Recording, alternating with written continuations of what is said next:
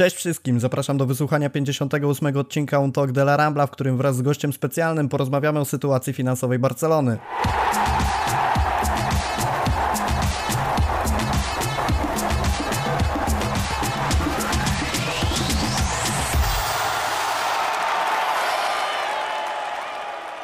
Jest dziś z nami Michał Gajdek, który przybywa prosto z No Camp No, gdzie przede wszystkim z Adrianem Białkowskim tworzy naprawdę świetny content. E, pomimo tego, że możemy być pewnie postrzegani jako konkurencyjne strony w walce o słuchacza, to nie sposób nie polecić materiałów chłopaków, bo są naprawdę świetne i też z tego powodu jesteś dzisiaj naszym gościem.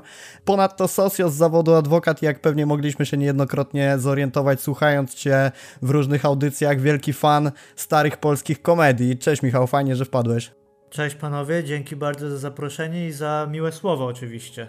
Jest też z nami Błażej Gwozdowski, czyli nasz specjalista od ksiąg finansowych Barsy. Już niejednokrotnie miał okazję popisać się swoją świetną wiedzą, dlatego dzisiaj naprawdę doskonały duet, jeżeli chodzi o to, żebyśmy porozmawiali sobie, jak naprawdę wygląda sytuacja finansowa Barcelony, podyskutujemy sobie na te finansowe tematy, odpowiemy na ważne pytania, ale przede wszystkim myślę uporządkujemy wiele informacji, które docierają do nas z wielu źródeł, tworząc swego rodzaju dosyć duży chaos.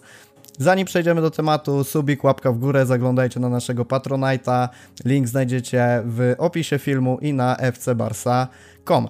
E, słuchajcie panowie, no to zaczynamy, nie ma co, co przedłużać.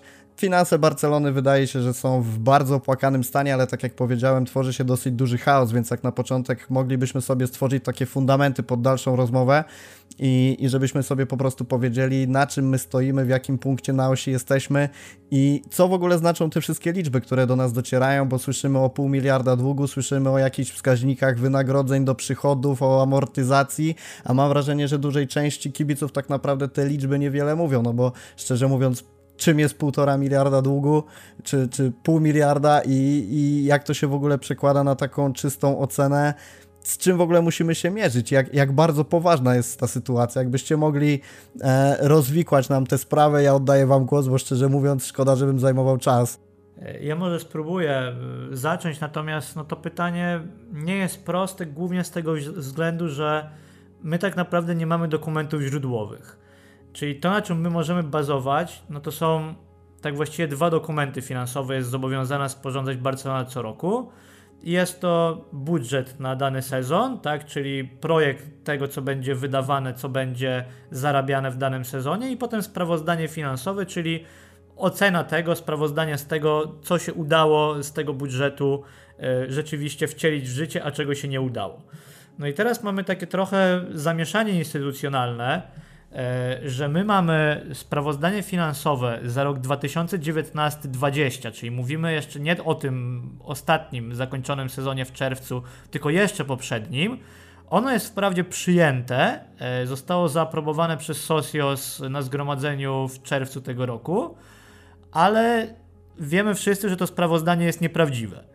To znaczy, został dokonany trochę taki fikołek, że obecny zarząd poprosił nas, Socios, żebyśmy zagłosowali za przyjęciem tego sprawozdania, żeby nie trzeba było go pisać na nowo, ale jednocześnie tworzy się właściwie od początku rządów Laporty audyt, który pokaże, jak w rzeczywistości te numery powinny wyglądać, a nie e, to, co zostało rzeczywiście w tym sprawozdaniu za sezon 2019-2020 zapisane.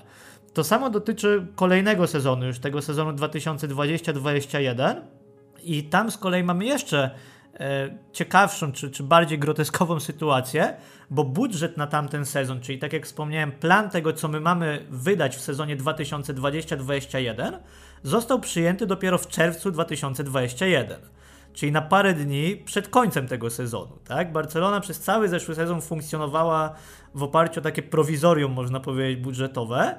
E, I w końcu znowu zostaliśmy poproszeni o to, żeby ten budżet zaaprobować, mimo że on już nie był budżetem, no bo nie był planem, tylko tak naprawdę było wiadomo, że tego planu zrealizować się nie udało, bo dosyć powiedzieć, że w tym budżecie było zakładane chociażby to, że kibice wrócą na stadion e, od lutego zeszłego roku, że Barcelona sprzeda zawodników za 100 milionów euro do końca czerwca zeszłego roku, e, że zostanie sprzedana Barca Corporate, udziały w Barca Corporate za 200 milionów euro że zostanie zrealizowany cel w postaci ćwierćfinału Ligi Mistrzów i wiążące się z tym premie UEFA i tak dalej, i tak dalej. Więc my już wiemy, że, te, że ten budżet również jest nieprawdziwy. I na koniec mamy jeszcze sprawozdanie finansowe za sezon 2020-2021, którego też nikt jeszcze nie widział w ogóle. Tutaj nawet nie możemy powiedzieć, na ile ono jest prawdziwe, na ile jest nieprawdziwe, bo ono po prostu jeszcze nie istnieje. Tak więc, no, kończąc ten przydługi wstęp, yy, ja powiem szczerze, że też bardzo bym się chciał dowiedzieć, co jest w tym jednym, jedynym kluczowym dokumencie, yy, czyli audycie tych wszystkich trzech dokumentów, o których wspomniałem, który powstaje E, przez niezależną firmę zostaje opracowywany w chwili obecnej na zlecenie obecnego zarządu Barcelony, żeby się tak naprawdę dowiedzieć, w jakim stanie Barcelona była, nawet nie w czerwcu 2021, ale w czerwcu 2020, bo na chwilę obecną to nikt do końca tego nie wie. No i my się poruszamy w strzępkach informacji na ten temat.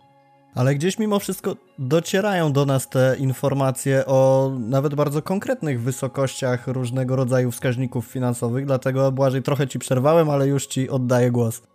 Dokładnie tak jak mówi Michał, my nie wiemy prawie nic. Taka jest prawda. Nie wiemy prawie nic i ja bym się kurczowo trzymał jednego wskaźnika, który musiał być, że tak powiem, dobrze policzony i trochę lepiej teraz rozumiem, dlaczego on mi się nie zgadzał, kiedy pisałem artykuł dotyczący finansów Barcelony, a mianowicie chodzi o dług netto. Próbowałem za pomocą tych wytycznych La Ligi, bo to La Liga określa dokładnie, jak ten dług netto powinien być wyznaczany i metoda wyznaczania długu netto została ustalona i w ten sposób, żeby była zgodna również e, w, na przykład z ligą angielską, czy z ligą włoską i francuską. Ten dług jest dokładnie w ten sam sposób wyznaczany, bo wcześniej były pewne rozbieżności, przez co na przykład w Hiszpanii dług netto był dużo wyższy niż e, klubów w Anglii, więc trudno było to porównywać. Teraz to są dokładnie te same wartości i nie podejrzewam, by Bartomeu odważył się manipulować e, tak ważną tak ważnymi danymi i spodziewam się, że ten dług netto ustalony na 380 bodaj, o ile dobrze pamiętam, milionów euro po sezonie 19-20 to jest ten dług, który faktycznie Barcelona wtedy miała. Podobnie wydaje mi się, że zadłużenie klubu, które było szacowane na ponad miliard euro, też jest bliskie prawdy. Natomiast to, co dla mnie jest no niemal pewne, tutaj się zgadzam e, z Michałem, to fakt, że te dwa słupki, którymi tak czarował Bartomeu w dwóch ostatnich sezonach, czyli przychody i koszty, to jest czysta fikcja, czyli starał się pokazać, na tyle manipulować księgami, żeby pokazać, że te słupki są mniej więcej tej samej wysokości, podczas gdy wydaje mi się, że ten drugi słupek, słupek z kosztami, e, zarówno w tym już e, sezonie sprzed dwóch lat, jak i tym ostatnim, był wyraźnie wyższy od słupka przychodowego i o tym się dowiemy faktycznie zapewne dopiero po audycie. Jeżeli miałbym tutaj szukać odpowiedzi na pytanie, jakie jest w tej chwili na przykład zadłużenie Barcelony czy dług Barcelony, no to starałbym się faktycznie bazować na długu netto oraz tym, co wiemy na temat strat Barcelony za ostatni sezon. Te miałyby niby wynosić blisko 500 milionów euro z tego, co mówił Laporta ja w to nie wierzę osobiście. Uważam, że tam jest wiele zabiegów księgowych, które mają po prostu zrzucić większość winy na Bartomeu. Podejrzewam, że dowiemy się o tym już z audytu. Paradoksalnie z dokumentu, który miałby bronić Laporte, to dowiemy się, że tam jest sporo manipulacji, które mają mu wyczyścić sytuację przed y, tym sezonem, który mamy teraz. Ja bym się spodziewał długu, tak przynajmniej to sobie wyznaczałem, długu netto po tym sezonie ostatnim na poziomie około 600-700 milionów euro. Mówimy o długu netto wyznaczony tą metodą La Ligi. E, I podobne dane podawał taki blog, który śledzę, Swiss Rumble, który porównuje w ogóle długi e, klubów europejskich i tam Barcelona jest na drugim miejscu za Tottenhamem, bo Tottenham według Swiss Rumble ma prawie miliard długu netto, co jest przy ich przychodach wartością wręcz porażającą, a przypomnijmy sobie, że Tottenham jakieś jednak transfery w tym sezonie przeprowadził, a na trzecim miejscu znajduje się Manchester United, który ma ten dług netto na poziomie około 680 milionów euro. Więc jak widzimy, Barcelona nie jest jedynym klubem, który jest w takiej sytuacji. co do przychodów i kosztów, tutaj faktycznie myślę, że dopiero audyt da nam pewien obraz, e, a tak naprawdę dla nas wiążąca będzie jakaś tam średnia z tych dwóch dokumentów, czyli ze sprawozdania Bartomeu i z audytu, bo podejrzewam, że tam jest sporo zabiegów, które mają e, Laporcie ten, e, ten sezon trwający teraz wyczyścić. Nawet o niektórych wiemy z mediów, nie wiemy, które są prawdziwe, które są mniej prawdziwe, więc trzeba poczekać do audytu. To ja zadam może takie trochę naiwne pytanie, bo mówimy o tym, że poruszamy się w dosyć dużym obszarze niepewności i wspomniałeś o tych klubach, które no, gdzieś na poziomie tego długu są czy to w gorszej sytuacji, czy, czy zbliżonej sytuacji.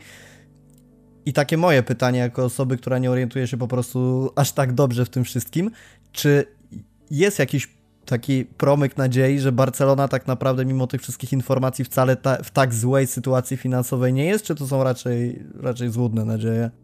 Na pewno utraciła płynność finansową i to wiemy, bo nie była w stanie wypłacać wynagrodzeń w terminie, więc to nie ma żadnych wątpliwości, że jakiś kłopot e, finansowy jest. Tak samo jest w poważny sposób zadłużona i to też nie podlega dyskusji. Ten dług netto jest wysoki, będzie jeszcze wyższy po tym sezonie i podejrzewam, że będą jeszcze takie dwa dobre albo nawet trzy lata pewnej stabilizacji, zanim będzie można mówić o jakiejkolwiek redukcji tego długu netto.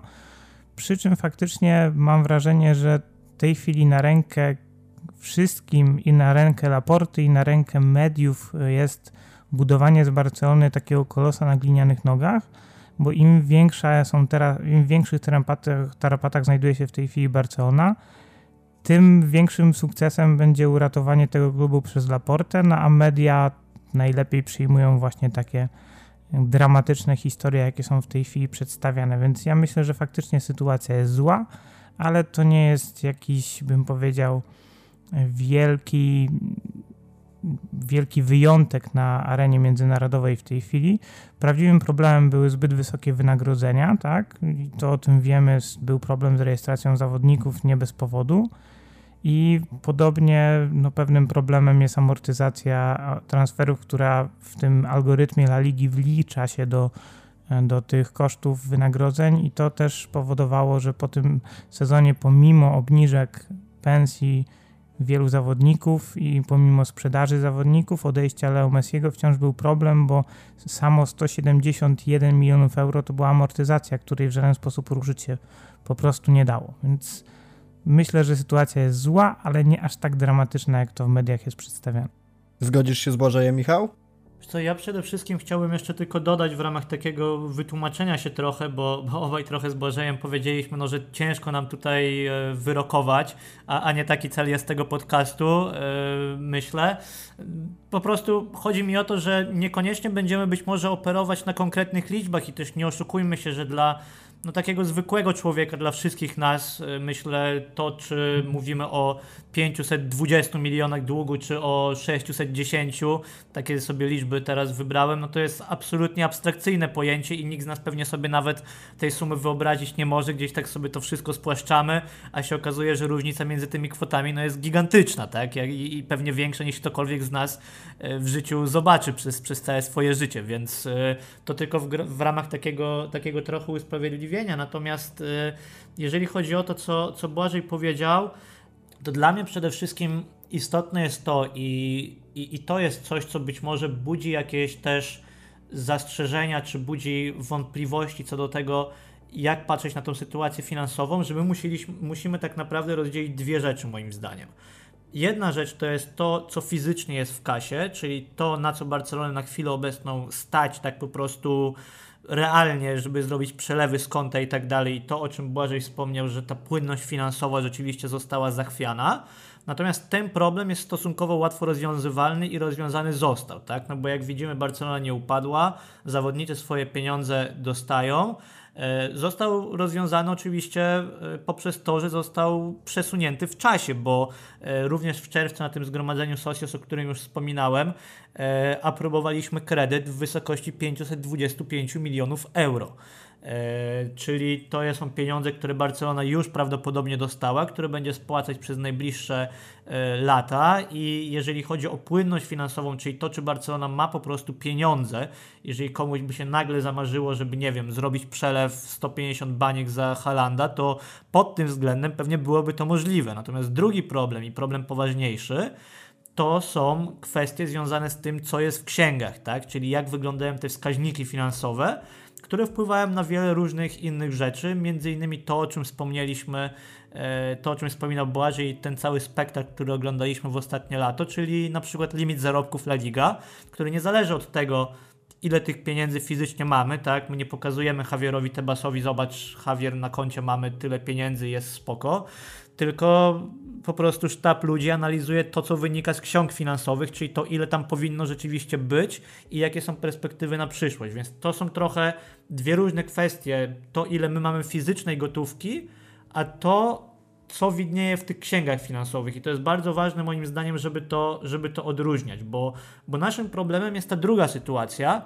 E, I myślę, że o ile zgodzę się z Błażejem, że ta pierwsza nie jest tak dramatyczna, jak to jest przedstawiane, bo jak mówię, no Barcelona jest na tyle wielkim klubem, powiedzmy sobie szczerze, czy nawet nie klubem, ale na tyle wielką organizacją, że po prostu nie może upaść moim zdaniem.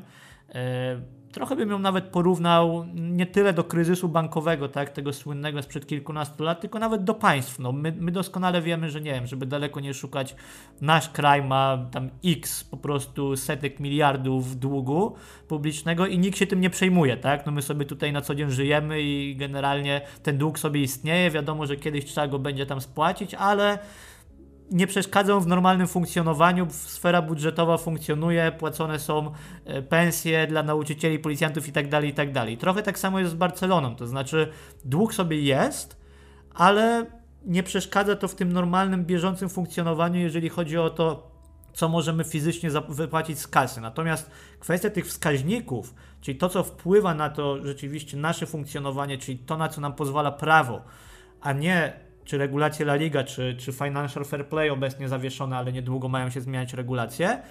Tutaj już mi się wydaje, że te wskaźniki są naprawdę złe e, i być może wyjście z nich będzie bardzo skomplikowane. I, jeszcze kończąc, też zgadzam się z Błażejem, że uważam, że tymi wskaźnikami też każdy kij ma dwa końce, bo te wskaźniki są gorsze, ale jednocześnie można nimi manipulować w bardzo łatwy sposób a co ciekawe, być może w interesie zarządu jest to, żeby na początku one były dużo gorsze, e, a potem były lepsze.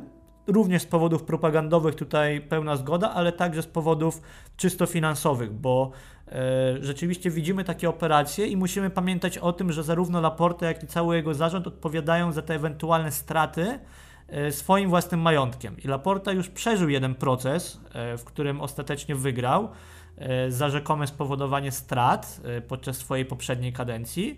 Wspominał, że to było dla niego absolutnie traumatyczne doświadczenie, jak i dla jego członków zarządu e, i że w życiu by nie życzył komukolwiek przechodzenia przez to samo, nawet najgorszemu wrogowi. Na pewno sam też by wobec tego przez to nie chciał przechodzić i ja myślę, że on patrzy w trochę dłuższej perspektywie, to znaczy jego interesuje to, co wydarzy się na koniec jego kadencji, tej planowanej, jeżeli to nawet będzie za te 5 lat, a nie to, co dzieje się teraz. On po prostu musi patrzeć w dłuższej perspektywie i być może też spróbować spychać trochę odpowiedzialność za to, co się dzieje obecnie, czy to jeszcze na y, poprzedni zarząd, zwłaszcza w zakresie tego sezonu 2020-2021, który przecież w większości był y, poza władaniem Laporty, czy po prostu na COVID, bo y, akurat jeżeli chodzi o straty spowodowane przez COVID, to majątki członków zarządu są bezpieczne, no więc im więcej teoretycznie strat uda się zakwalifikować jako spowodowane przez COVID, tym mniejsza byłaby jego odpowiedzialność.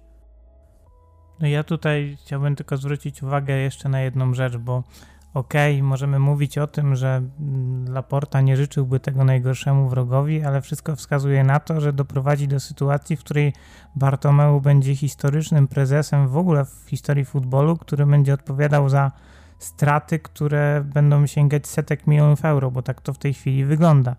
Wszystko, o czym mówi Laporta, no chyba nie rzuca słów na wiatr, czyli straty rzędu prawie 500 milionów euro za ten miniony sezon, no to jest coś, z czym no żaden, myślę, biznesmen by sobie w żaden sposób nie poradził. Nie wiem, w jaki sposób miałby sobie poradzić z tym Bartomeu, to jest pierwsza rzecz. A druga rzecz, wracając do ksiąg, zwróćmy uwagę na sytuację, w jakiej został postawiony Laporta przed tym sezonem. Z uwagi na to, że limit wynagrodzeń jest wyznaczany na podstawie planowanego budżetu oraz, o ile dobrze pamiętam, dwóch poprzednich budżetów, to dla niego korzystne byłoby z jednej strony, z punktu widzenia limitu wynagrodzeń, faktycznie ten sezon poprzedni zamknąć z dość dużymi przychodami i mieć tą swobodę w zatrudnianiu nowych zawodników, podpisywaniu kontraktów, bo wtedy ten limit byłby wyższy, ale wtedy by pomógł tak naprawdę, wyciągnął rękę do Bartomeu, bo ten budżet z zeszłego sezonu nie wyglądałby tak źle i ta strata nie byłaby tak duża.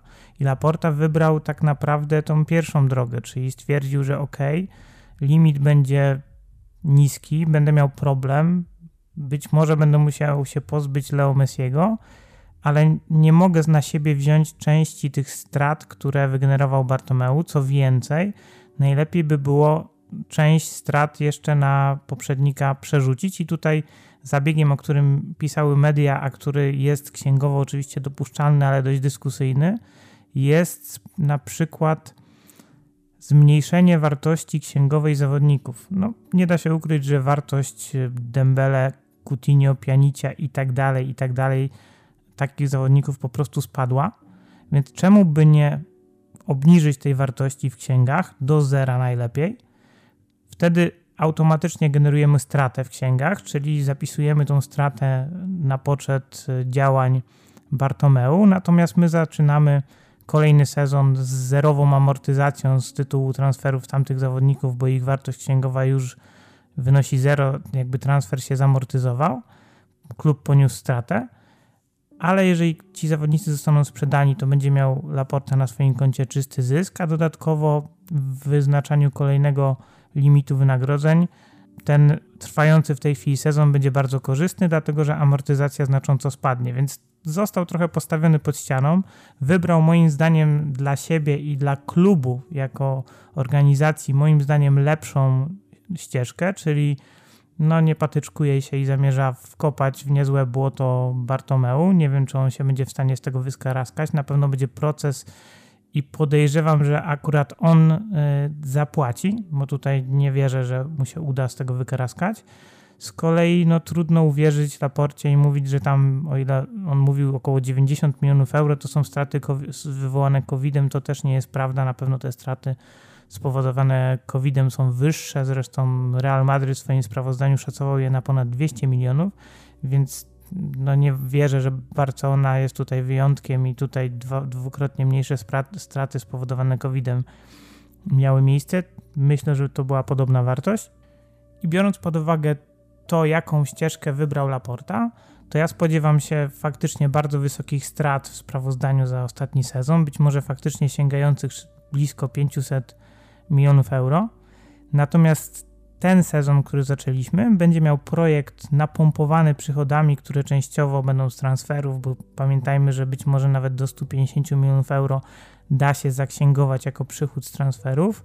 Dojdą też te kwoty, które zostały przesunięte z zeszłego sezonu, przykładowo klub zakładał, że będzie musiał zapłacić zaległe podatki, a ustawa covidowa prawdopodobnie klub z tego zwolni, więc to, co było kosztem w minionym już sezonie, okaże się zyskiem w sezonie, który otwiera nową historię Laporty w Barcelonie.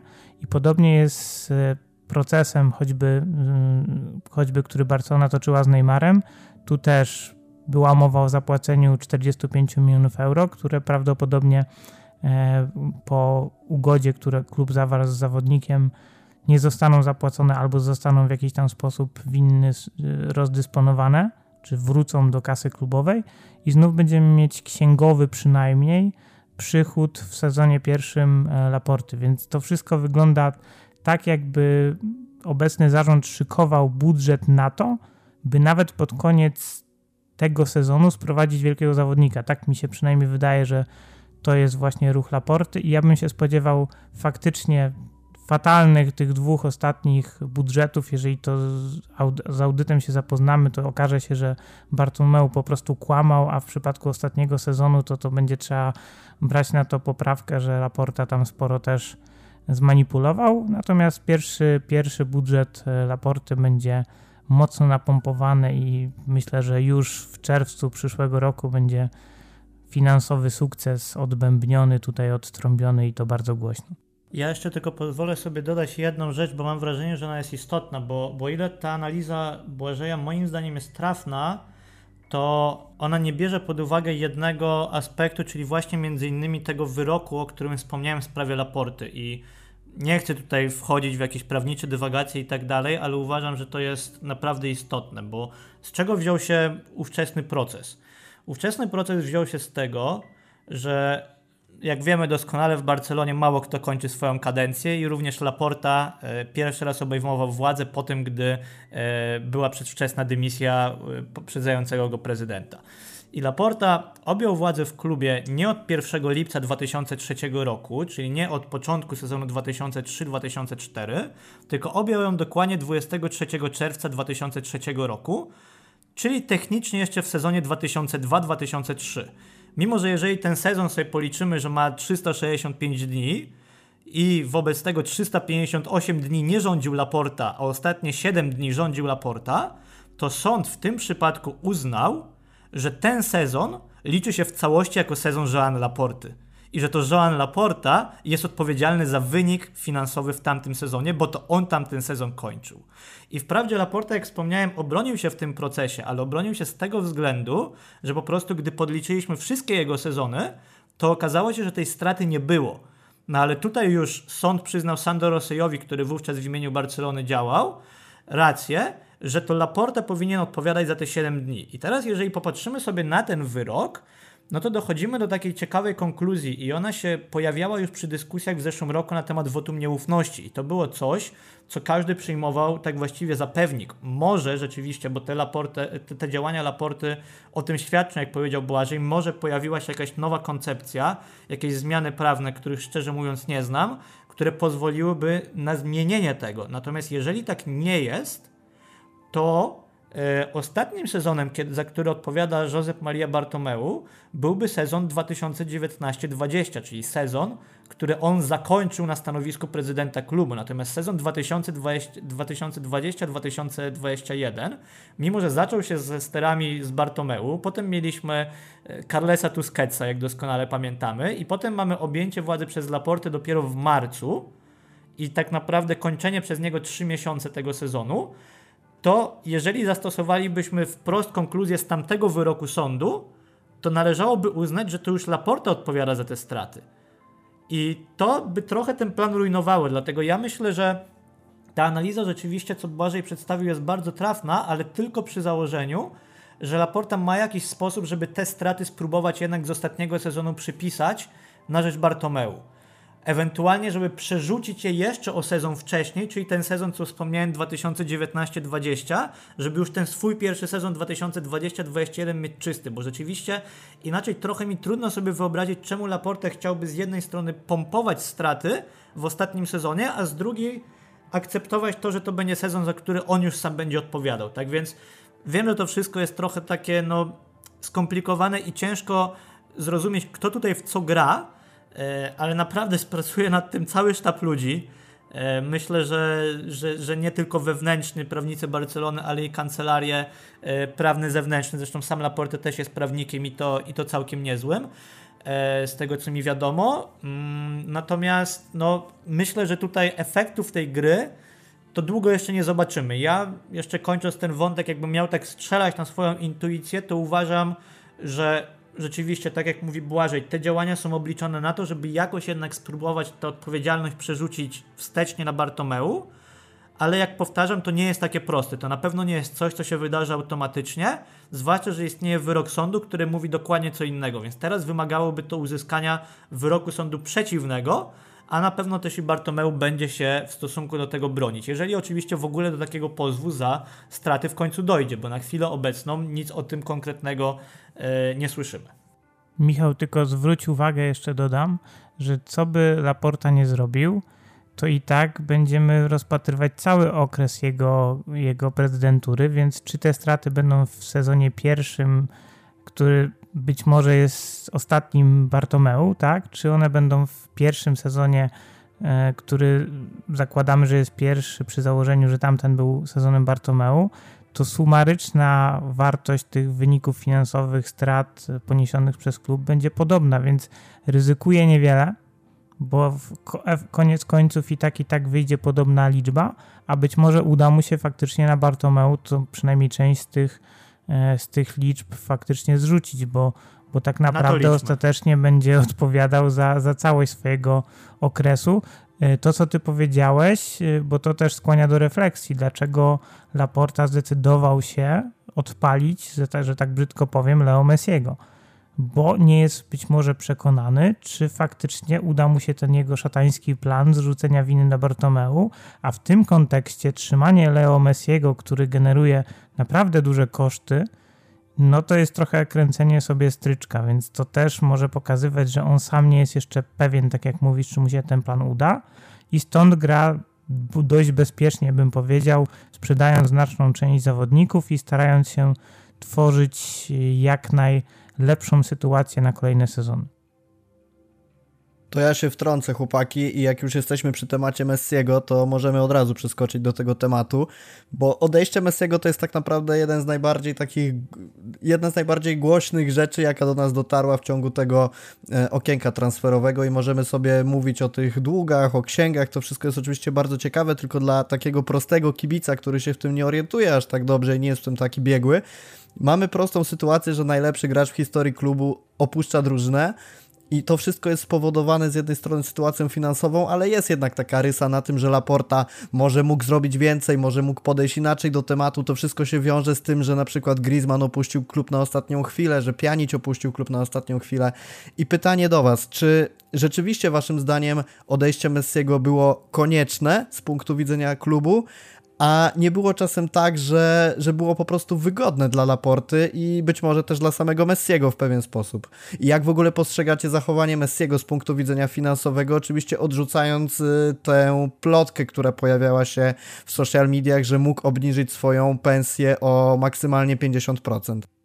Znaczy ja uważam, e, szczerze mówiąc, i, i, i przede wszystkim, że e, straszną hipokryzją z mojej strony by było twierdzenie, że Laporte zrobił dobrze, czy, czy pozbył się Leo Messiego, żeby ratować klubowe, klubowe finanse, bo e, Leo Messi dużo klub kosztuje, w momencie, w którym przez cały ostatni rok co najmniej e, myślę, że powstał swego rodzaju konsensus, z którego ja się bardzo ucieszyłem, że e, on się, on się objawił i najbardziej to było widoczne po tych słynnych tekstach o faraonicznym kontrakcie Leo Messiego, że Leo Messi do klubu więcej przynosi niż z niego e, wyjmuje. Więc e, nie bardzo jestem przekonany do tego, czy ta operacja w dłuższej perspektywie e, przyniesie klubowi, mówiąc wprost, oszczędności, czy wpłynie pozytywnie na jego sytuację finansową.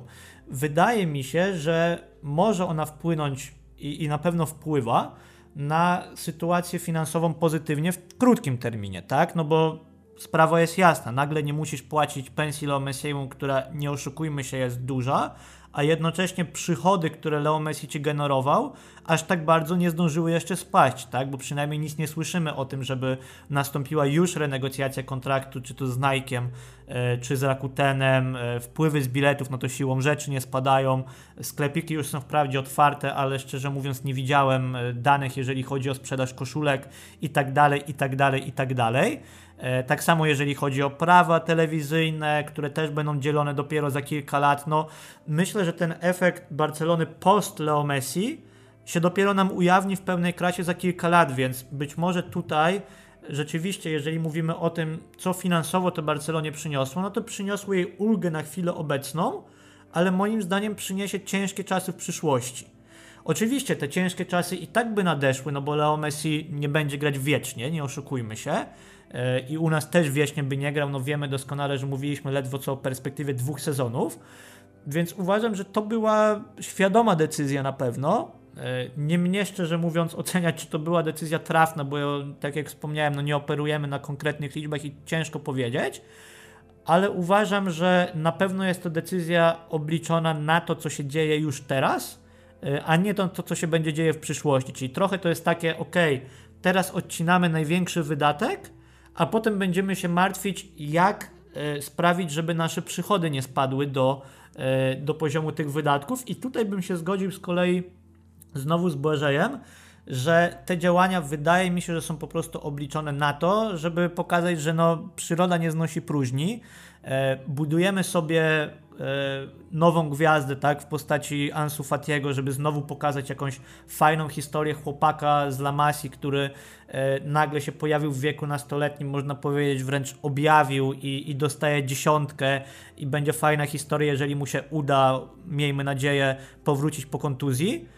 E, więc z jednej strony tutaj sobie budujemy potencjał marketingowy, z drugiej strony trafiło się nam jak ślepej kurze ziarno, że okazuje się, że Memphis Depay jest w absolutnie życiowej formie, której nikt się nie spodziewał i też zaczyna zyskiwać na tym powiedzmy walorze marketingowym, bo nie oszukujmy się, to jest bardzo charakterystyczny zawodnik również z, po z powodów pozaboiskowych. A z trzeciej strony, i myślę, że to mógł być też pierwotny plan, gdzieś tam myślę, że się majaczy na horyzoncie rzeczywiście taki duży transfer, bo on po prostu jest dla klubu potrzebny o tyle, że jasne, to, to są duże pieniądze do wydania i nam tych pieniędzy łatwo wydać nie będzie, ale jednocześnie, jeżeli ich nie wydamy, to po prostu nasze przychody spadną do tego poziomu, że być może nigdy już nie będziemy wydawać takich pieniędzy i nigdy nie będziemy sprowadzać takich zawodników, bo zwyczajnie nie będziemy mieli skąd za to zapłacić. Więc myślę, że jeżeli znowu mielibyśmy rozmawiać o, o Halandzie czy kimś takim, to być może przyjdzie za rok e, albo za dwa moment, w którym trzeba będzie powiedzieć, no albo teraz, albo nigdy. I na tyle, na ile ja, e, nie wiem, nie chcę powiedzieć, poznałem Żana Laporte, ale na tyle, na ile jego trajektorię w Barcelonie znamy, zwłaszcza z poprzedniej kadencji, no to wydaje mi się, że to raczej jest człowiek, który powie teraz, to jest człowiek, który powie ok, zaryzykujmy, zróbmy to, chcę się zapisać w historii, chcę pokazać, że jeszcze tutaj potrafię zrobić coś fajnego, a nie powie, no nie, no nie, no musimy odpuścić jednak, no szkoda i, i, i tak dalej, więc e, pod tym względem mam nadzieję, że ta przyszłość będzie się jakoś fajnie rysować, a wracając do, do tego pytania, to wydaje mi się, że ruch z Leo Messi jest obliczony tylko i wyłącznie na krótką metę. E, I no zobaczymy, jak to się przełoży w długoterminowym, e, w długoterminowej perspektywie. Błażej, co ty na to? Ja się troszkę uśmiechałem, jak widziałem te wszystkie wyliczenia, za jaką część przychodu Barcelony odpowiada Leo Messi, dlatego że to jest takie, e, taka pułapka ekonomiczna, bym powiedział, liczenie tego pułapka i to taka dość brutalna, dlatego że wyobraźmy sobie sytuację, że Messi odpowiada za 60%, nie wiem, sprzedaży koszulek, tak? I co? Barcelona sprzedaje Messiego i rozumiem, że sprzedaż koszulek spada o te 60%. A teraz sobie wyobraźmy sytuację, że Barcelona w ogóle przestaje sprzedawać koszulki z nazwiskami zawodników, czyli co?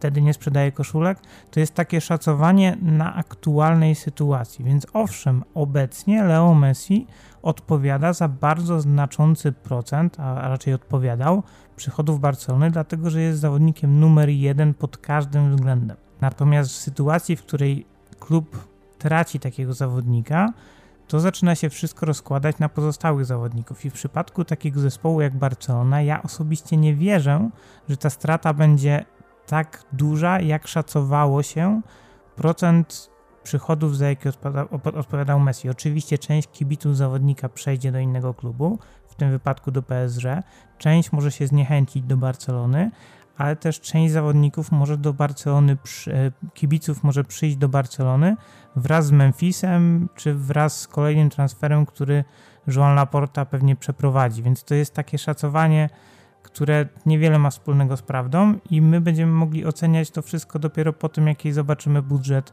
w kolejnych sezonach. Co ważne, odliczając od tego przychody z transferów, bo to było jedno z podstawowych kłamstw Bartomeu. On lubił w tych słupkach dodawać przychód z transferów do przychodu, dzięki temu sięgnął niemalże miliarda, podczas gdy na, na przykład Florentino Perez tego nigdy nie robił i dlatego wypadał e, troszkę gorzej. Więc biorąc to pod uwagę, ja się skłaniam raczej ku tezie, że oddanie Leo Messiego do PSG, bo tak bym określił ten transfer, było rozsądnym ruchem Laporty. Nie powinno przynieść znaczących strat dla Barcelony. Oczywiście jakieś przyniesie, ale one nie będą aż tak istotne. Moim zdaniem dużo większą stratą dla Barcelony jest fakt, że od kilku lat w Lidze Mistrzów po prostu nie ma kiedy mówić o Leo Messim, bo zanim ona się na dobry rozkręci i stanie się widowiskiem medialnym, to Barcelony już w tych rozgrywkach nie ma.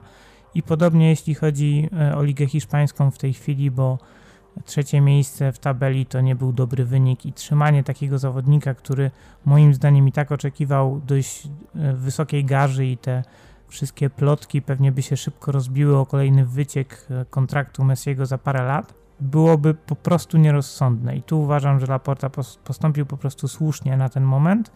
Na ile się pomylił, jak oszacować faktycznie stratę Barcelony finansową po odejściu Messiego, to jest wróżenie z fusów, ja tego akurat nie lubię.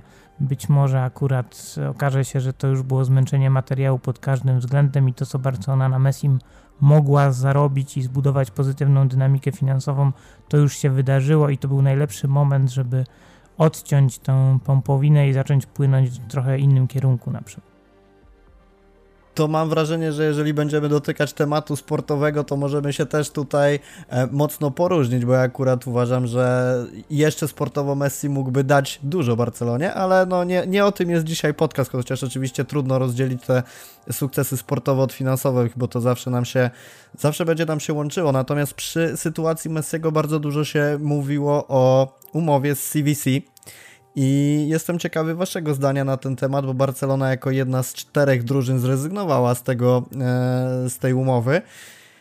I pojawiło się mnóstwo plotek mówiących o tym, że jest to taki szachmat ze strony Tebasa blokujący Superligę, na którą Laporta po prostu się nie zgodził. I jednocześnie był to taki myk, który zablokował pozostanie Messiego w Barcelonie, oczywiście ze względów tych finansowych i, i w związku z tym, jakie ta umowa miała przynieść do, do Barcelony pieniądze. E, jak to oceniacie? Bo znowu wracamy do tego, że dla, dla jakiegoś tam podstawowego kibica usłyszenie informacji o tej umowie mogło być wręcz optymistyczne, ale pewnie drugie dno całej tej sytuacji stawia umowę w dużo, dużo gorszym świetle niż możemy sobie wyobrażać.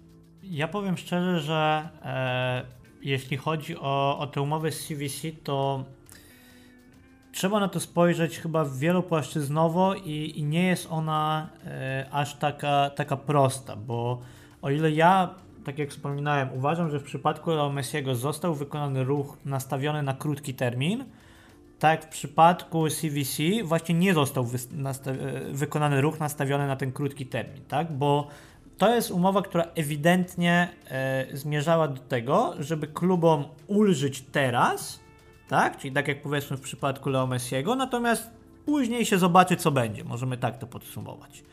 E, nie podobały mi się na przykład do końca te wyliczenia, które przygotował Real Madryd, e, bo one, zwróćcie uwagę, nie wiem czy pamiętacie, też był, był u Was na stronie taki artykuł, który zakładał takie pięć scenariuszy odnośnie do tego, co będzie się działo przez najbliższe 50 lat z prawami, z wartością La Ligi. No i właśnie, z czym to było kontrastowane? Było to kontrastowane z tym, co na tym zarobi CVC. Ale ja szczerze mówiąc nie do końca to rozumiem, bo co kogo to obchodzi, ile konkretnie zarobi na tym CVC? Myślę, że bardziej interesujący powinno być to, ile będą miały z tego kluby a nie to, e, czy ktoś zarobi więcej, czy mniej, czy porównywalnie przy mniejszym, większym lub porównywalnym zaangażowaniu. Więc tutaj o tyle mi się to e, od początku nie widziało, że była analiza tego, że CVC zawsze zyskuje na tej operacji. No dobrze, zyskuje, no bo to nie jest instytucja charytatywna i nie po to wkłada te pieniądze, żeby na tym nie zyskać. No to chyba wszyscy doskonale wiemy. Natomiast pytanie jest takie, czy kluby by na tym zyskiwały. Ja uważam osobiście, że o ile w przypadku zwłaszcza Realu Madryt te pieniądze być może niekoniecznie były e, inaczej. Uważam, że każda umowa nastawiona na krótkoterminowe ulżenie klubom jest dla Realu Madryt o wiele mniej atrakcyjna niż jest atrakcyjna dla Barcelony. Z prostego powodu, że to Barcelona jest aktualnie w gorszej sytuacji. Czyli to, co Realowi może się przydać, ale może się bez tego obejść, to jednocześnie nam by naprawdę mogło podejść poprzedni tlen. Wystarczy powiedzieć, że te 70% środków, o których e, było mowa w tej umowie z CVC, to jest bardzo prosty przykład e, i oczywiście celowo upraszczam, miało być, miało być przeznaczone na infrastrukturę. I wiadomo, że infrastruktura tam była rozumiana bardzo szeroko, bo nie tylko jeżeli chodzi o fizyczną infrastrukturę, ale infrastruktura technologiczna, tak? czyli social media, e, budowa działu czy, czy, czy informatycznego i tak dalej, tego rozwoju w mediach społecznościowych, możemy tak tu ująć, to jednak no, podstawowym celem była ta rozbudowa infrastruktury jako infrastruktury. No i tutaj wystarczy sobie porównać nasze sytuacje, bo jeżeli mamy E, Real Madryt, który właśnie inauguruje nowe Bernabeu, przeszedł przez to suchą stopą, bo w okres, w którym grali bez kibiców, tak czy siak złożył się z okresem, kiedy wszyscy grali bez kibiców, więc ten spadek przychodów był taki sam dokładnie, jak gdyby tego stadionu po prostu nie budowali i on by był dostępny i stałby sobie pusty, to im te pieniądze do końca nie są potrzebne. Natomiast my jesteśmy w zupełnie innej sytuacji, bo nagle się okazuje, że Camp Nou się wali, mają wracać na nie kibice, a zaraz trzeba je będzie znowu zamknąć, żeby spróbować e, je wyremontować e, gruntownie i e, nie wiadomo do końca skąd wziąć na to pieniądze. I to jest jakieś takie moje zastrzeżenie, zwłaszcza do tego komunikatu klubu, który był dosyć lakoniczny, jeżeli chodzi o odrzucenie tej umowy, że to jest zadłużenie klubu na kolejne kilkadziesiąt lat. No oczywiście, że jest to zadłużenie klubu na kolejne kilkadziesiąt lat, natomiast wydaje mi się jednocześnie, że jeżeli mówimy z jednej strony o tym, co wspominałem, w czerwcu sam głosowałem za wzięciem kredytu w wysokości 525 milionów euro, to naprawdę nie są małe pieniądze i ten kredyt był zabezpieczony, uwaga, uwaga, prawami do e, meczów, tak, prawami La Liga, jeżeli chodzi o transmisję. No, CVC dokładnie to samo robi, tak? Możemy się tutaj procentami przerzucać i okresem i jak to wygląda, natomiast sam mechanizm umowy jest podobny. Tak samo jeżeli chodzi o Superliga, bo Superliga też w początkowym etapie wszyscy mówili, że przecież tutaj wchodzi JP Morgan i da pieniądze na rozkręcenie Superligi. No to też nie jest prawda, bo JP Morgan dawał pożyczkę, którą trzeba by było potem spłacić z przyszłych zysków Superligi. Tak samo jak tutaj CVC chciało dać pożyczkę, która będzie spłacona potem z przyszłych zysków La Liga. Więc o ile, tak jak mówię, same liczby, które zostały przedstawione, rzeczywiście są nieprzekonujące i moim zdaniem można by było wypracować lepsze liczby i być może gdyby to było robione przy udziale klubów, a nie za ich plecami i gdyby dopuścić konkurencję do tego procesu i, i, i po prostu e, walkę cenową o to, kto te prawa zyska, to ta umowa dla wszystkich klubów nagle by się stała atrakcyjna. Natomiast uważam, że straszną hipokryzją jest mówienie, że no nie możemy zadłużyć klubu na tyle lat, gdy jestem absolutnie przekonany, że jedna operacja zadłużająca klub na wiele lat na 500 milionów euro ponad została już dokonana. Za chwilę będzie dokonana kolejna, bo skoro, tak jak wspomniałem, nie wzięliśmy tych pieniędzy na remont stadionu, a remont stadionu musimy zrobić, to weźmiemy kredyt specjalnie na, re na remont stadionu, a przecież już Bartomeu mówił, że to będzie koszt miliarda euro, więc mamy już półtora miliarda euro nagle świeżo wziętych przez Laportę kredytów prawdopodobnie. I do tego dojdzie również pewnie Superliga albo i nie dojdzie, w której obrębie znowu mówiło się o poważnych środkach, więc to nie jest tak, że nie wiem, Bartomeu był zły, bo zadłużał dług, czyli brał kredyty, a Laporta jest dobry, bo nie będzie zadłużał klubu, czy nie będzie brał kredytów, bo kredyty są po to na rynku, żeby je brać i to jest absolutnie normalne, że kluby się posiłkują finansowaniem dłużnym. I myślę, że wszystko się rozbija po prostu konkretne kwoty, a w tym konkretnym przypadku, jeżeli chodzi o CVC, to myślę, że wszystko się rozbija też o to, kto te umowy zaproponował i kto za nią dostanie prowizję. A tutaj myślę, że relacje pomiędzy Barceloną i Realem, a obecnym szefostwem La Liga no są chyba wszystkim doskonale znane. Czyli można krótko to podsumować, że CVC nie zostało e, stricte wyłączone z gry dlatego, że były niekorzystne warunki, tylko gdzieś ten element Superligi mimo wszystko miał miejsce. Ja uważam, że bardziej przez być może jakieś e, konkretne warunki, bo, bo tak jak mówię, ciężko jest je ocenić e, w perspektywie, w perspektywie finansowej, bo myślę, że nikt nie wie, jak będą wyglądały prawa do, do La Liga, jaka będzie ich wartość za 50 lat. Być może nie będą nic warte, bo na przykład wszyscy będziemy oglądać, nie wiem, tylko esport już wtedy, tak i, i w ogóle, e, a raczej nasze wnuki, bo to o takiej perspektywie przecież mówimy. Natomiast tak, myślę, że, że jak najbardziej temat Superligi tutaj miał też istotne znaczenie. E, no bo nie oszukujmy się, jeżeli przychodzisz i pakujesz 2 miliardy euro w coś, a to chciała zrobić CVC, e, do klubów, tak, e, to chcesz, żeby potem twoja stopa zwrotu była jak najwyższa. Twoja stopa zwrotu będzie jak najwyższa, gdy twoja liga będzie jak najbardziej atrakcyjna. Twoja liga nie będzie atrakcyjna, gdy odejdą z niej trzy największe kluby, więc wydaje mi się, że no, klauzula Superligi czy, czy antysuperliga musiała być w tej umowie e, i być może po prostu zdecydowaliśmy za tym, żeby być panami swojego losu, to znaczy, żebyśmy to my wybierali, kto będzie finansował Superligę i że to my bezpośrednio będziemy dostawać za to pieniądze, eliminując pośrednika, którym obecnie widzę mistrzów jest UEFA, a którym w przypadku CVC byłaby La Liga. Ja kończąc, bo, bo wiem, że się na ten temat rozgadałem, natomiast e, ostatnio powiem szczerze, że sporo na ten temat myślałem i, e, i, i próbuję na ten temat zebrać myśli generalnie, ale wydaje mi się, że o ile strasznie, no wiadomo, i to każdy myślący człowiek widzi na pierwszy rzut oka, że jeżeli mówimy, że nie wiem, PSG broni romantycznego futbolu, tak, czy UEFA broni romantycznego futbolu, to się to kwituje słusznym śmiechem, to jednocześnie ja bym bardzo chciał, żeby tak samo słusznym śmiechem kwitować to, gdy Real Madryt czy Barcelona mówią o tym właśnie, że no, trzeba bronić tutaj wartości w futbolu i inaczej futbol umrze i tak dalej, bo po prostu na koniec dnia chodzi o miliardowe biznesy i chodzi o to, kto na tym będzie zarabiać, My oczywiście jako kibice Barcelony no, powinniśmy chcieć, żeby zarabiała na tym Barcelona. E, wygląda na to, że nasze władze myślą dokładnie tak samo e, i wobec tego podejmują takie, a nie inne decyzje. Błażej, co ty na to? Co do meritum się zgadzam, natomiast nie chciałbym tutaj, e, żebyśmy mylili dwie rzeczy, bo czym innym jest kredyt, który jest zabezpieczony prawami do transmisji, bo one są faktycznie zabezpieczeniem, czyli zostaną uruchomione w momencie, w którym my przestaniemy spłacać ten kredyt zgodnie z założeniami. I to jest sytuacja, którą ja bym był w stanie zaakceptować. A czym innym jest inwestycja CVC, bo to jest po prostu inwestycja. Fundusz wykłada pieniądze, których posiada bardzo, bardzo, bardzo dużo i liczy na to, że będzie miał odpowiednią stopę zwrotu i wszystko wskazuje na to, że ta stopa zwrotów faktycznie jest nieadekwatna do poniesionych kosztów, czyli CVC próbuje wykorzystać sytuację, która jest w tej chwili, czyli fatalna sytuacja klubów i weszła w taki dość dla mnie szemrany deal e, z Tebasem, który jakimś dziwnym trafem tak oszacował kwotę, która będzie mogła być przeznaczona na zwiększenie limitu, że wystarczyłaby ona idealnie na zarejestrowanie Leo Messiego w Barcelonie. Ja osobiście nie wierzę w przypadki.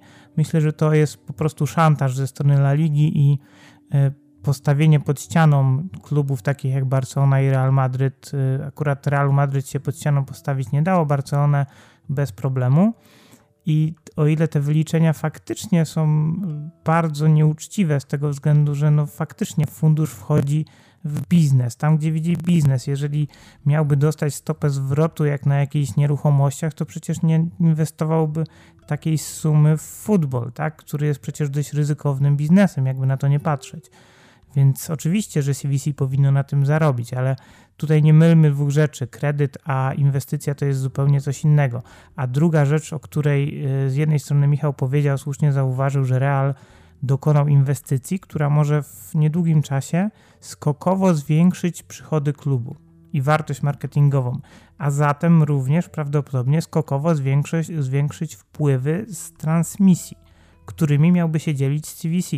Pamiętajmy, że Barcelona też jest przed takim krokiem milowym, który może skokowo zwiększyć te przychody z transmisji, a umowa z CVC zakładała, że będzie trzeba się tymi prawami z transmisji w określonym procencie dzielić, więc ja tutaj akurat jako dość konserwatywna osoba nie chciałbym wchodzić w taki biznes, bo to nie jest rodzaj kredytu, to jest, bo spłata nie jest uzależniona od kwoty, którą my otrzymujemy, ale jest uzależniona procentowo od tego, ile my będziemy na danym jakby podwórku zarabiać, więc Wydaje mi się to po prostu ofertą, której nie, nie można było zaakceptować.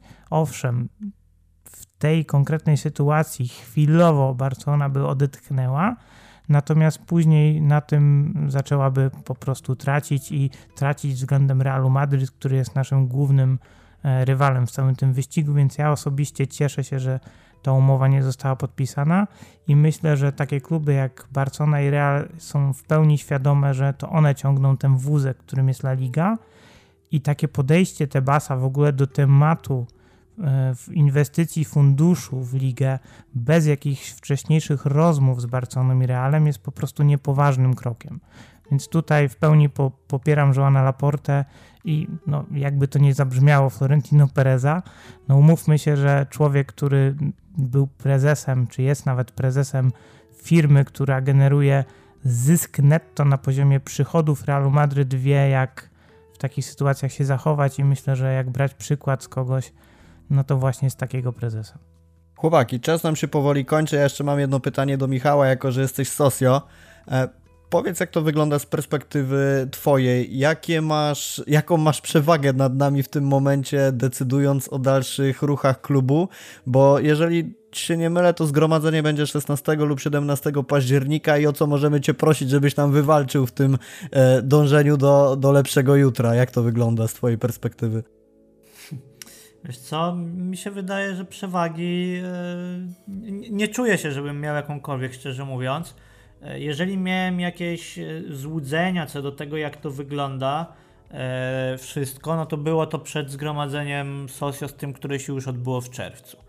No bo wtedy w czerwcu tak sobie właśnie myślałem i tak to było przedstawiane, że ojejku, najważniejsze zgromadzenie od lat, tak, pierwsze zgromadzenie Laporty, tutaj podsumowanie rządów Bartomeu, tutaj może będzie już właśnie ten słynny audyt, być może jakieś głosowanie nad tym, czy pociągać go do odpowiedzialności, czy nie. E, w porządku obrad była Superliga, przecież miało być też ewentualne głosowanie nad Superligą i mówię, kurczę, no jeżeli się okazuje, że my, że tak powiem jako Socios, a nawet nie tyle jako Socios, tylko jako grupka Socios, która została tam wylosowana, może położyć albo zaakceptować projekt za kilka miliardów, i może zdecydować o kształcie futbolu w przyszłości, no to wow, tyle odpowiedzialności, jejku, jakie to jest w ogóle ciężkie i tak dalej. Po czym się okazało, że, że oczywiście z dużej chmury był mały deszcz. Ja byłem absolutnie przerażony tym, że frekwencja na tym zgromadzeniu, które było tak zapowiadane, wyniosła, z tego co pamiętam, 15%. 85% ludzi uprawnionych do głosowania w ogóle się tam nie pojawiła. E, I myślę, że to też nam pokazuje, że jeżeli nasz klub ostatecznie skończy źle, czego sobie nie życzę, to sami jego właściciele, czyli właśnie Socios, będą sobie winni, tak? Bo dla mnie to był absolutny skandal. Dla mnie było niewyobrażalne, żebym ja nie poleciał na to zgromadzenie specjalnie z Polski, no a ktoś, komu się nie chce ruszyć w niedzielę, w dzień wolny od pracy, fajna pogoda, przejść się na Camp Nou po raz pierwszy od roku i trzech miesięcy, żeby podyskutować o ważnych dla klubu sprawach, e, i tego nie robi, mimo że ma tam, nie wiem, 15 minut metrem, no to, to dla mnie to był szok. E, teraz dlatego też powiem szczerze, że z pewnym takim, nie wiem, czy cynizmem, czy, czy czymkolwiek, jak to określić, patrzę na to zgromadzenie październikowe, bo już po prostu nie do końca mam złudzenia, że coś ważnego się tam wydarzy. Superliga sobie jest, tu gdzieś jej nie ma, nie wiadomo. E, w czerwcu Laporta nam powiedział, bo to rzeczywiście był temat, który, który zainteresował wszystkich. Oni celowo to wrzucili jako ostatni punkt porządku obrad zaraz przez pytaniami od Socios. No i w momencie, w którym Laporta zaczął przemowę na ten temat powiedział: Słuchajcie, nie będzie dzisiaj żadnego głosowania, bo nie ma nad czym głosować tak naprawdę, bo nie ma konkretnego projektu, to w ogóle większość z tych 15% to wyszła z tego stadionu od razu, nie czekając, co będzie dalej.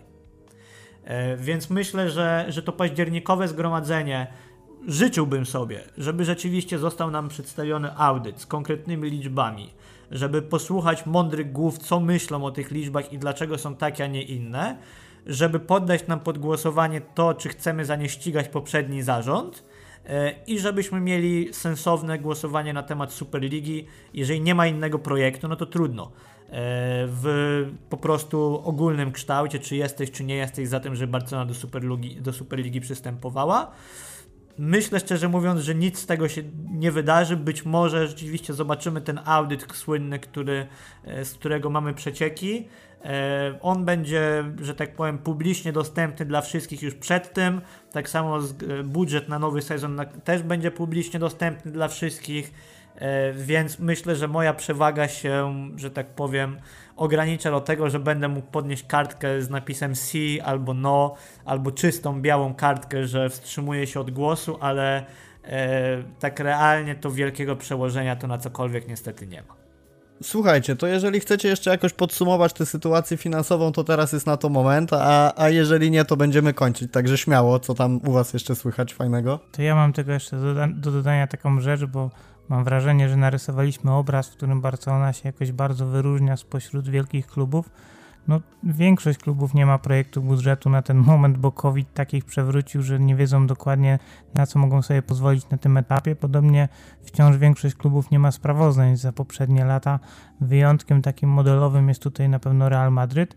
A ja mam do Michała takie pytanie jeszcze na koniec. Ja namaluję Ci taki obraz i Ty mi powiedz, czy ten obraz Ci się podoba, czy nie. Załóżmy, że Barcelona zamierza faktycznie przejść spółkę akcyjną, tylko chce zrobić to z ukłonem dla Socios i proponuje pierwszy rzut akcji wypuścić tylko dla Socios w dość preferencyjnych, e, bym powiedział, na dość preferencyjnych warunkach, czyli masz, masz, masz taką możliwość, że możesz stać się akcjonariuszem e, FC Barcelony, a później po zakończeniu tego pierwszego sprzedaży pierwszego rzutu akcji ci akcjonariusze będą podejmować decyzję o tym, jaką, jak, o jakiej wartości akcje wypuścić na wolny rynek, tak? I w ten, w ten sposób masz możliwość decydowania, jaki to będzie procent, jaki, to, jak, jaki e, wpływ będą mieć ludzie z wolnego rynku całkowicie na to, jak, jaka będzie przyszłość tego klubu. Czy jak byś na coś takiego zareagował? Czy byłoby to dla ciebie zmiana korzystna, czy niekorzystna? Wiesz co, e, to nie jest prosta kwestia z tego względu, że no idealnie to bym teraz powiedział, że no ale jak to spółka akcyjna, przecież Socios, klub od 1899 roku, jak można sprzedawać coś takiego i tak dalej. Natomiast po tym, co przed chwilą powiedziałem o zgromadzeniu, to znowu byłaby to hipokryzja z mojej strony, bo większość tych ludzi niestety, nie oszukujmy się, nie zasługuje na to, żeby być właścicielami takiego klubu. Ja nie jestem aż tak utopijnie przywiązany do tego modelu. Uważam, że model taki, jak jest na przykład niemiecki, oczywiście możemy sobie rozmawiać e, o czymś takim, co ty przed chwilką przedstawiłeś, o tym modelu niemieckim, czyli gdzieś tam, gdzie kibice mają 50 plus 1 i zawsze jest e, bez nich, że tak powiem, nie mogą zostać te najważniejsze decyzje e, podjęte. Jest modelem, który jest przyszłościowy, trzeba sobie to powiedzieć wprost, zwłaszcza wobec konkurencji ze strony, ze strony klub państw klubów państw, jak, jak Real, jak e, PSG czy City. Natomiast podstawowy problem, który ja mam z takim modelem, to jest to, że gdyby e, to, to jest to, żeby rzeczywiście na koniec dnia decydowali ludzie, którzy nie kierują się tym, ile na klubie zarobią, po prostu nie zarobią nic, tak? Wręcz przeciwnie, muszą płacić składki ale żeby jednak kierowali się po prostu tym, że no cholera, wybrali, żeby go wspierać, bo, bo go po prostu kochają, tak? I, i bo nim, na nim zależy. I podejmują te decyzje, e, może to utopijne, ale podejmują te decyzje po prostu z tego, co im serce podpowiada, e, być może nawet bardziej niż rozum czasami, no bo nie mają żadnego interesu w tym, żeby, e, żeby coś z tego klubu wyciągać, bo, bo nawet nie mogą. E, dlatego e, próbując odpowiedzieć tak tylko tak albo nie, E, uważam, że to jest model, który, który by się sprawdził. Uważam, że jednocześnie, że w momencie, w którym pojawi się tylko taka propozycja, to następnego dnia zostanie wszczęta taka kampania przeciwko Żanowi Laporcie, że będziemy mieli kolejne wotum nieufności. I wcale nie jestem przekonany, czy, czy choćby Joan Laporta ma taką siłę przebicia, żeby coś takiego przeforsować. Dlatego podejrzewam, że wśród tych protestujących byłoby głównie to 80% ludzi, które się na tym zgromadzeniu nie stawiło. A druga rzecz, to dlaczego o tym mówię? Dlatego, że dla mnie takim sposobem na obejście po części rzeczywistej zmiany jest stworzenie Barca, Barca Corporate i wyciągnięcie tak naprawdę części Barcelony poza klub za pomocą e, de facto kilku spółek, które no, nie są niczym innym, jak bym powiedział, faktycznie wehikułami. E, no, wehikułami do zarabiania, do zarabiania pieniędzy poprzez ściąganie inwestorów, więc wolałbym to e, zrobić w sposób jawny niż w taki sposób, a podejrzewam, że większość Socios nawet nie ma bladego pojęcia, czym jest Barsa Corporate i po co to zostało stworzone i myślą, że cały czas mamy do czynienia z tą samą Barceloną, jaka była 10 czy 15 lat temu, a to jest gówno prawda, że tak brzydko powiem. Tak, myślę, że, że długo, że tak powiem, już tylko skończą, moglibyśmy na ten temat y, dyskutować, ale, ale to jest trochę też takie fundamentalne pytanie, czy, czy to, że powiedzmy, może brzydko rzeczywiście, jak tak na koniec, jeżeli ktoś do, koń, do, do końca dosłuchał, e, czy to, że niski poziom, możemy powiedzieć, pod tym względem intelektualnym społeczeństwa, no, no uzasadnia to żeby jakoś się od tej demokracji jednak odwracać, bo, bo, bo trochę by to jednak o to chodziło, bo e, okej, okay, my podejmujemy decyzje impulsywnie e, i można sporo negatywnego powiedzieć o Socios, ja sam często mówię, Natomiast jeżeli porównamy sobie sytuację zeszłoroczną, e, tak na koniec doza optymizmu Barcelony i Walencji, no to widzieliśmy, że w przypadku Walencji było tak, że prezes i właściciel powiedzieli, no trudno, musicie się pogodzić, to jest nasz klub i o cholerę wam chodzi. Jak będę chciał zwolnić trenera, czy nikogo nie kupować, czy sprzedawać najlepszych zawodników, to po prostu to zrobię. No u nas jednak skończyło się odwołaniem prezesa przy mobilizacji całkiem dużej liczby osób, więc było to fajne pokazanie tej siły, że jednak jak się chce, to się, to się potrafi, no tylko być może za rzadko się chce niestety. Słuchajcie, mieliśmy kiedyś Szawiego i Niestę w środku pola, którzy robili nam kapitalną robotę i pokazywali magię. Dzisiaj mieliśmy w odcinku Błażeja i Michała, którzy tak jak Szawi i Niesta za najlepszych rad po prostu przedstawili nam masę ciekawych informacji. Ja chyba sam muszę to jeszcze wszystko przetrawić, bo, bo naprawdę popis, panowie, bardzo dziękuję, że znaleźliście czas na to nagranie. Przede wszystkim Michał, bo Błażej, ty to masz obowiązki, u nas to musisz, nie masz wyboru, ale, ale Michał, naprawdę wielkie dzięki, że znalazłeś czas. E, nagrywamy to tuż przed Polska-Anglia, więc też chcemy zdążyć na meczyk, ale, ale dzięki i mam nadzieję, że to nie jest ostatni, ale jeden z wielu podcastów, na które mogliśmy cię zaprosić. Ja też mam taką nadzieję. Bardzo, bardzo miło było e, porozmawiać, zwłaszcza, że widzę, że z Błażejem mamy odmienne poglądy na niektóre tematy, więc fajnie można, można podyskutować, ale to rzeczywiście przy takiej mnogości tematów to myślę, że parę godzin więcej byśmy musieli nad tym spędzić i pewnie nie każdemu chciałoby się to tego słuchać, albo wręcz niewielu osobom, ale, ale w każdym razie dzięki wielkie za zaproszenie, było to naprawdę fajne doświadczenie. Ja również dziękuję. Dzięki panowie i do usłyszenia w kolejnych odcinkach. Na razie. Trzymajcie się, cześć.